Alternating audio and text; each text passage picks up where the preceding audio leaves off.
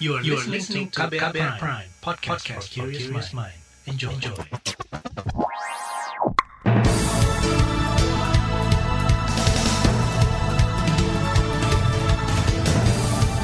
Selamat pagi saudara, jumpa lagi di program Buletin Pagi edisi Senin 13 Desember 2021.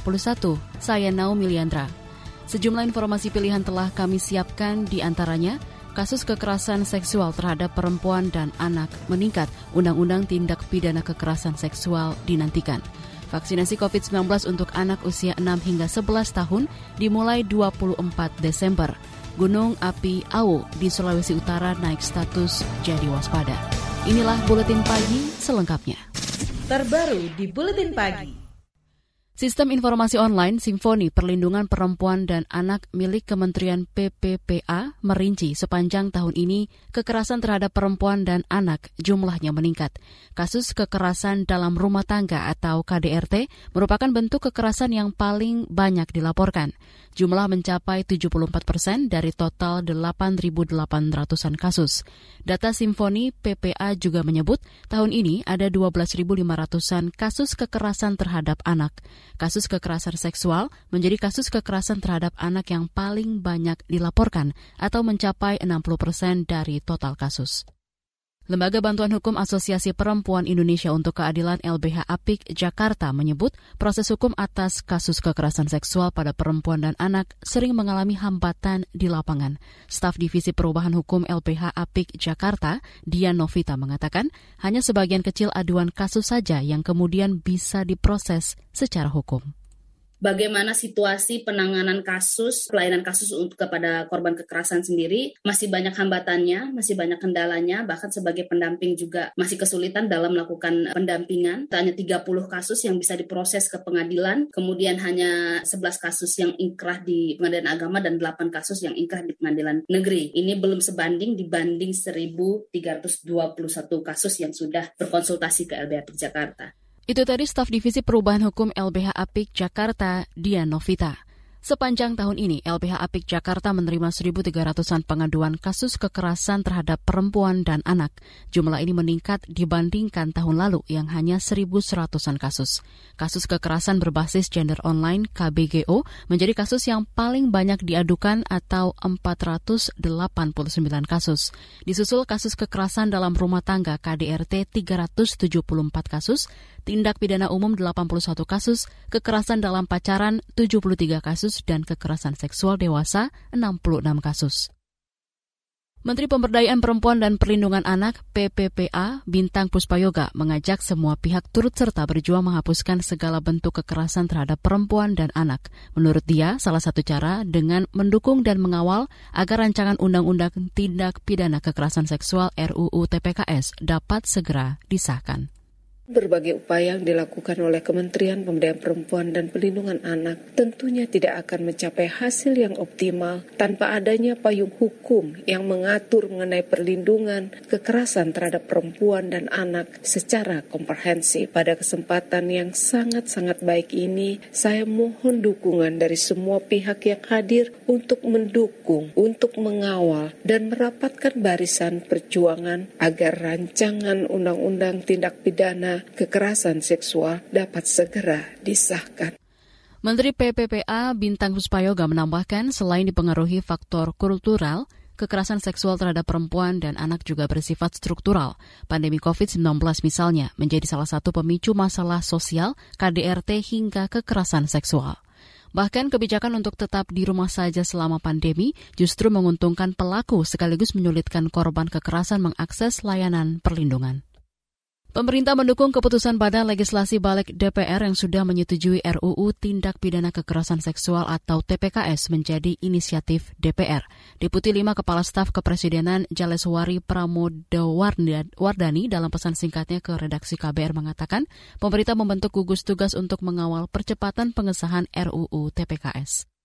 Di antaranya melibatkan Kementerian Pemberdayaan Perempuan dan Perlindungan Anak, Kementerian Hukum dan HAM, Kejaksaan, Polri, dan Kantor Staf Presiden. Selain itu, gugus tugas juga akan terdiri dari unsur masyarakat sipil, akademisi, hingga media. Badan Legislasi DPR optimistis pembentukan gugus tugas percepatan RUU Tindak Pidana Kekerasan Seksual TPKS berpotensi mempercepat pengesahan undang-undang. Wakil Ketua Balek DPR Willy Aditya menilai gugus tugas RUU TPKS yang dibentuk pemerintah dan melibatkan banyak pemangku kepentingan akan membuat pembahasan RUU tidak memakan waktu lama. Kalau dengan sudah dibentuknya gugus tugas oleh pemerintah, saya melihatnya optimis bisa lebih cepat ya.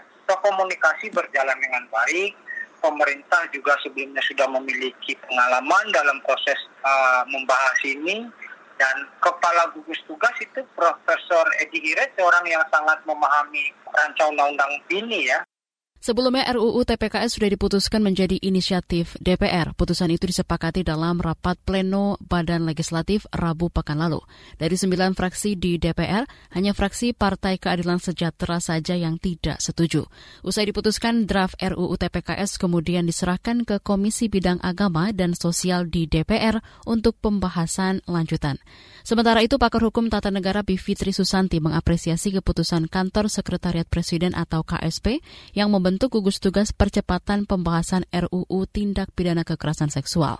Bivitri menyebut perjalanan proses RUU TPKS baru akan dimulai tahun depan melalui pembahasan resmi di DPR penting juga sih karena kan TPKS itu baru RUU usul inisiatif. Jadi kalau 16 Desember nanti disahkan itu masih tahap penyusunan. Hmm. Tahap pembahasannya berarti tahun depan. Tahap di mana uh, dibahas antara DPR dengan pemerintah itu baru tahun depan. Jadi uh, memang perlu ada satu upaya khusus dari kedua belah pihak kalau menurut pasal 20 Undang-Undang Dasar kan hmm. pemerintah dan DPR nih. Nah, dari pemerintah juga memang perlu upaya khusus supaya RUU ini cepat dibahasnya, jangan lama-lama gitu. Pakar Hukum Tata Negara Bivitri Susanti berharap nantinya Undang-Undang TPKS bisa memperbaiki penanganan pidana asusila yang ditangani kepolisian, kejaksaan, dan penegak hukum lainnya. Karena selama ini pola pikir penanganan asusila selalu saja menyudutkan para korbannya. Akademisi memberi catatan hukum atas putusan vonis kepada Jaksa Pinangki Sirna Malasari. Informasi selengkapnya hadir sesaat lagi, tetaplah di Buletin Pagi KBR. You're listening to KBR Pride, podcast for curious mind. Enjoy!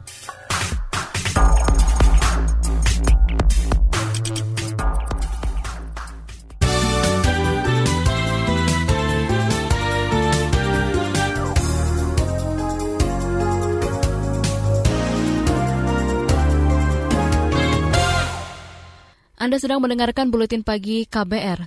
Kementerian Kesehatan menyebut ada 106 kabupaten kota yang akan menerima vaksin COVID-19 untuk anak pada tahap pertama. Vaksinasi itu akan dimulai 24 Desember nanti.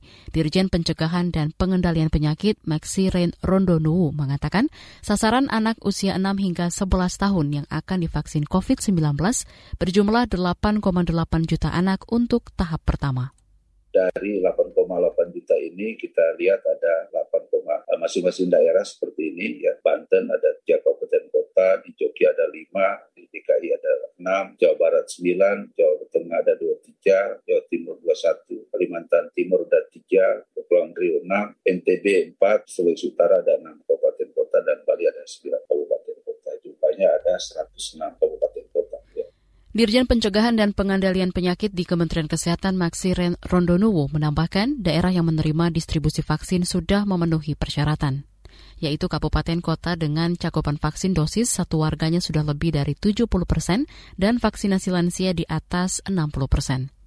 Masih terkait COVID-19, Satgas COVID-19 pada minggu kemarin merinci ada tambahan 163 kasus baru yang terinfeksi virus corona di Indonesia. Sementara pasien sembuh bertambah 184 orang, meninggal bertambah 7 orang, dan pasien COVID-19 yang dirawat lebih dari 5.100 orang. Kita ke informasi lain.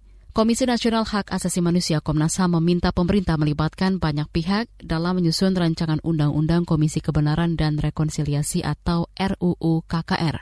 Tapi Wakil Ketua Komnas HAM Amiruddin Al-Rahab justru mengungkapkan hingga kini Komnas HAM belum pernah diajak bicara penyusunan draft RUU KKR. Ini kan RUU KKR ini cuma jadi omongan aja, ya kan?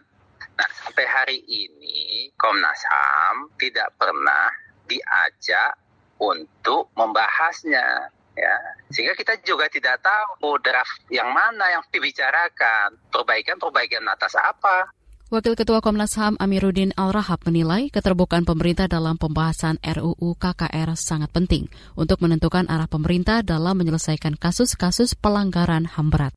Amiruddin mengingatkan kalau draft RUU KKR disusun secara sepihak, maka di kemudian hari bisa saja mendapatkan penolakan, seperti pada 2006 lalu ketika Mahkamah Konstitusi membatalkan Undang-Undang KKR yang sebelumnya sudah disahkan pemerintah.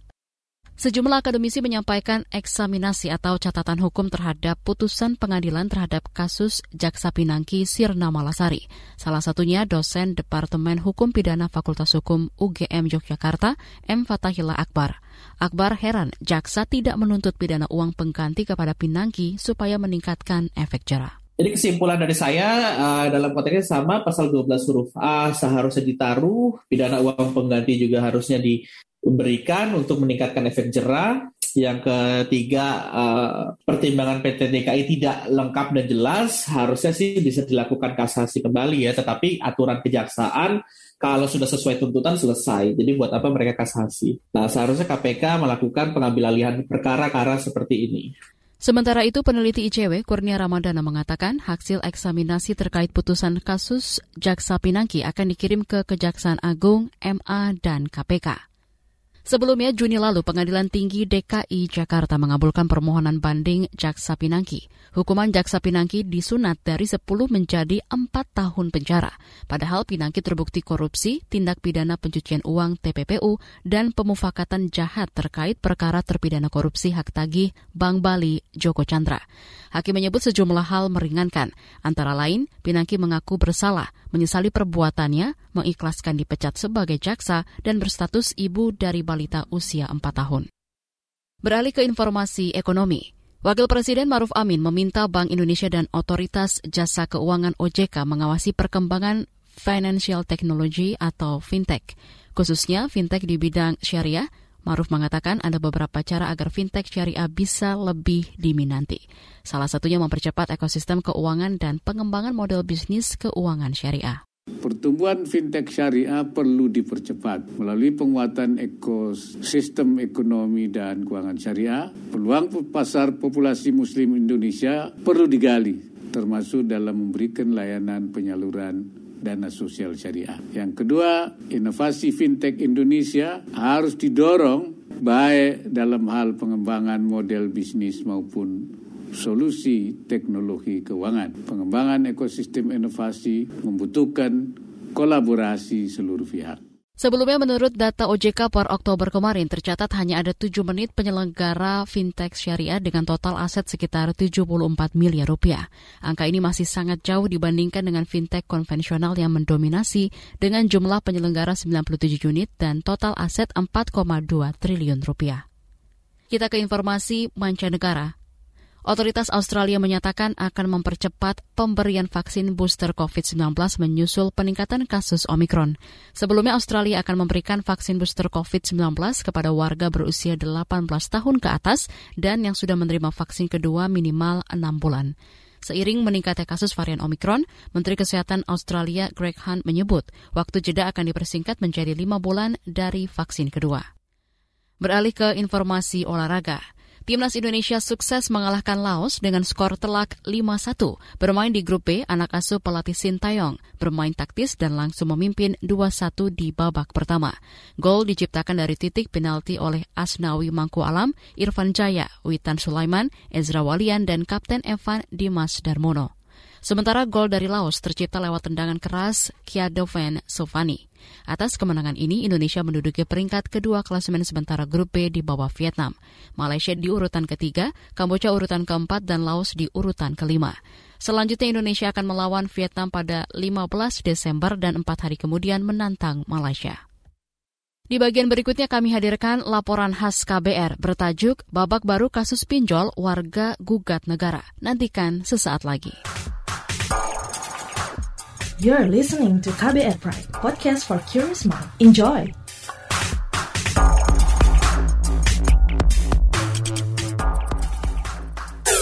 Commercial break.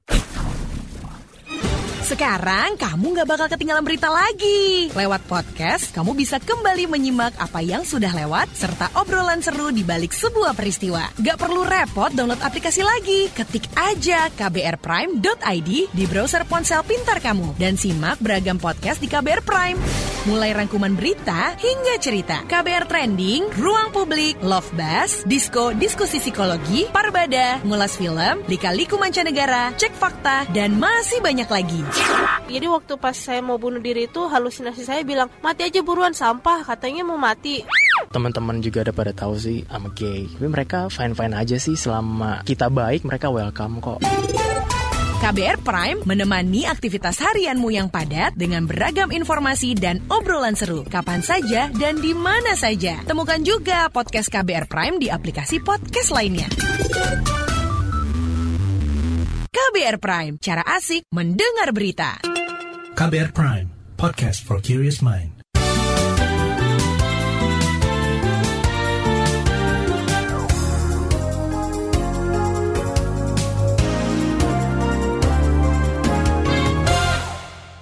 Anda masih bersama kami di Buletin Pagi KBR. Sepanjang 2021, industri pinjaman online menjadi top skor pengaduan di Otoritas Jasa Keuangan. Ada lebih dari 50 ribu aduan masuk, yang terbanyak soal perilaku penagih utang atau debt collector. Selama tiga tahun terakhir, LBH Jakarta juga menerima tujuh ribuan pengaduan dari korban pinjol. Situasi ini mendorong belasan orang menggugat negara karena lalai melindungi konsumen atau pengguna pinjol. Simak laporan khas KBR yang disusun Valda Kusta Rini kalau dipermalukan saya tetap bekerja oke okay lah ya mbak nanti itu lama-lama akan hilang. Tapi kan ini tiba-tiba saya dipanggil terus diminta untuk resign pada hari yang sama. Kan itu rasanya gimana gitu? Kita nggak ada persiapan Dina gitu dipaksa mengundurkan diri dari tempat kerjanya karena berurusan dengan pinjaman online. Pada 2018 ia meminjam uang 1,2 juta rupiah untuk kebutuhan rumah tangga di salah satu platform pinjol. Saat pinjaman ketiga Dina terlambat membayar.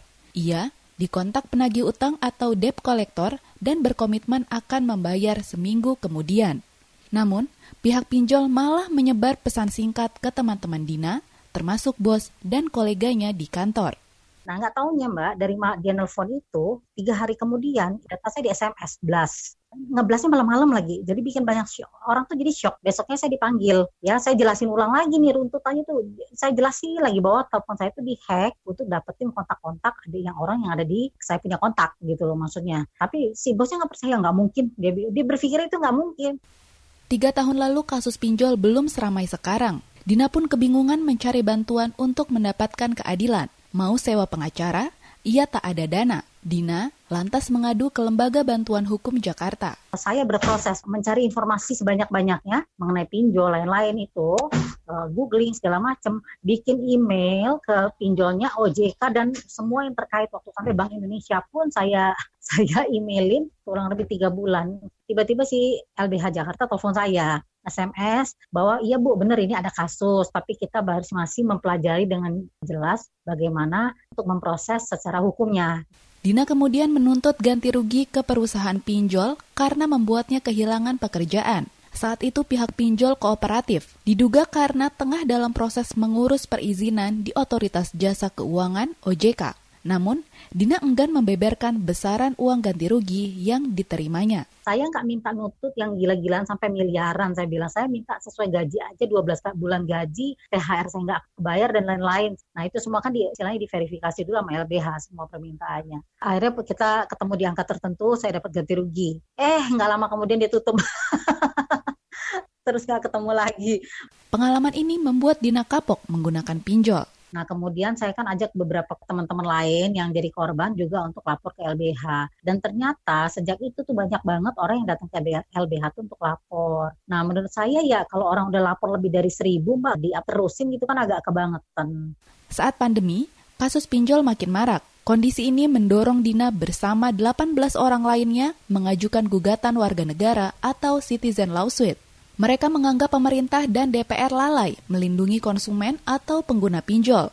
Dengan pendampingan LBH Jakarta, gugatan dilayangkan pada November 2021 lalu ke Pengadilan Negeri Jakarta Pusat. Pengacara publik LBH Jakarta, Jenny Sirait. Selama dua tahun ini kami melihat bahwa beberapa kali kami melakukan engagement, memberikan risalah kebijakan, tapi kok nampaknya tidak ada tindak lanjut dari lembaga-lembaga negara terkait. Ini membuat kami sebenarnya cukup geram ya. Korban pinjaman online makin banyak, terutama di tengah masa pandemi COVID, tapi nampaknya negara tetap abai dan bungkam begitu terhadap upaya untuk membuat kebijakan yang mampu melindungi masyarakat baik secara hukum maupun hak asasi manusia. Warga penggugat menuntut perbaikan sistem dan aturan terkait pinjol, mulai dari bunga pinjaman hingga keamanan data pribadi. Tidak adanya kedudukan yang setara dalam pembuatan perjanjian pinjam meminjam, pengambilan dan pengumpulan data pribadi tanpa batasan, biaya administrasi yang sangat tinggi mencapai 30% dari nilai pinjaman yang diajukan, bunga yang sangat tinggi dan tanpa batasan itu mencapai 4%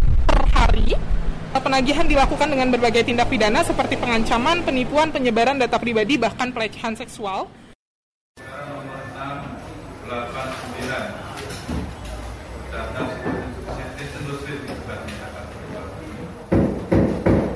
Rabu 8 Desember 2021 lalu mestinya jadi sidang perdana. Namun, akhirnya ditunda karena pihak penggugat maupun tergugat belum melengkapi syarat formil pada hari ini sebenarnya semua kelengkapan surat kuasa dari pihak penggugat itu sudah lengkap, tinggal melengkapi KTP asli saja dari penggugat. Tentu saja cukup disayangkan karena sebenarnya panggilan sidang ini sudah uh, dipanggil dari tiga minggu yang lalu. Masa hanya untuk mempersiapkan surat kuasa saja butuh tiga minggu? Itu yang pertama. Yang kedua uh, persiapan soal kehadiran juga itu menjadi catatan penting. DPR RI tidak mempersiapkan diri untuk hadir pada persidangan hari ini yang mana juga sudah dipanggil tiga minggu yang lalu. Di lain pihak, pemerintah mengklaim serius menangani permasalahan pinjol. Presiden Joko Widodo beberapa waktu lalu meminta OJK mempercepat literasi keuangan hingga ke masyarakat bawah. Saya mendengar masyarakat bawah yang tertipu dan terjerat bunga tinggi oleh pinjaman online yang ditekan dengan berbagai cara untuk mengembalikan pinjamannya. Oleh karena itu, perkembangan yang cepat ini harus dijaga harus dikawal dan sekaligus difasilitasi untuk tumbuh secara sehat untuk perekonomian masyarakat kita.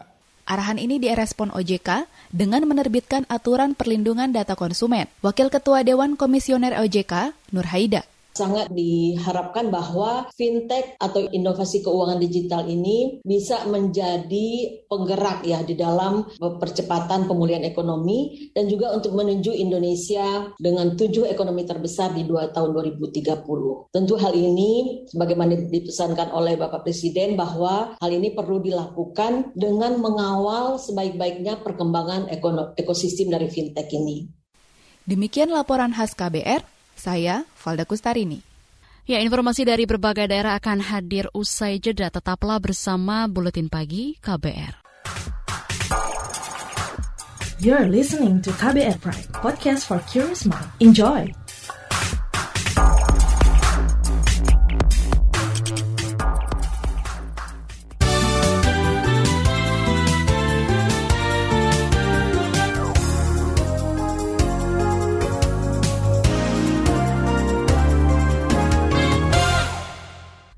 Inilah bagian akhir buletin pagi KBR. Kita ke Sulawesi Utara.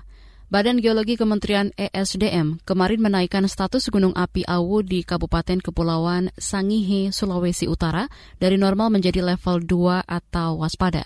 Menurut Sekretaris Badan Geologi Ediar Usman, pemantauan seismik menunjukkan aktivitas vulkanik Gunung Api Awu terus meningkat. Peningkatan ini sudah mulai teramati dengan jelas sejak bulan Oktober 2021 yang ditandai dengan adanya peningkatan kegempaan vulkanik yang mengindikasikan peningkatan tekanan magma di dalam tubuh gunung api. Sekretaris Badan Geologi Ediar Usman menambahkan meski terekam adanya peningkatan vulkanik, tapi aktivitas itu secara kasat mata belum terpantau. Asap kawah di puncak Gunung Api Awu juga belum terlihat. Ediar juga mengingatkan warga sekitar untuk tenang, tidak terpancing isu yang tidak jelas sumbernya, dan terakhir Gunung Api Awu di Sulawesi Utara mengalami erupsi 17 tahun silam. Kita ke Jawa Timur. Saudara, hingga sepekan sejak erupsi Semeru, jumlah korban yang terdata tim Satgas adalah 46 meninggal, 9 masih hilang, 19 luka berat, 13 luka ringan, dan 6.500-an orang mengungsi ke 124 titik pengungsian. Sementara itu, Menteri BUMN Erick Thohir mengatakan anak yang orang tuanya meninggal akibat erupsi Semeru akan mendapat beasiswa dari Yayasan BUMN. Untuk itu, Erick meminta Yayasan BUMN segera menghimpun data anak-anak tersebut. Tak hanya itu, tim Dukcapil mengklaim sudah menerbitkan 960 dokumen pengganti untuk warga yang menjadi korban tim melakukan pelayanan jemput bola pencetakan dokumen kependudukan pengganti. Tim Dukcapil juga sudah melayani perekaman KTP elektronik kepada dua penduduk, mencetak 22 keping KTP elektronik, mencetak KK pengganti yang rusak sebanyak 822 lembar. Kita ke Aceh. Unit Pelaksana Teknis Daerah Perlindungan Perempuan dan Anak di Aceh mencatat kasus kekerasan seksual terhadap perempuan hingga September kemarin mencapai hampir 700 kasus. Kepala UPTD PPA Aceh Irmayani Ibrahim menyatakan jumlah itu belum termasuk kasus di bulan Oktober hingga Desember ini. Irmayani mengatakan peningkatan kasus terjadi selama pandemi dan dengan pelaku rata-rata orang terdekat korban. Angka ini se belum semuanya terungkap mengingat banyak kasus masih ditutupi karena dianggap sebagai aib keluarga dan ancaman dari pelaku. Informasi tadi menutup jumpa kita di Buletin Pagi hari ini. Pantau juga informasi terbaru melalui kabar baru, situs kbr.id, Twitter kami di akun @beritaKBR, serta podcast di alamat kbrprime.id. Akhirnya saya Naomi Liandra bersama tim yang bertugas undur diri. Salam.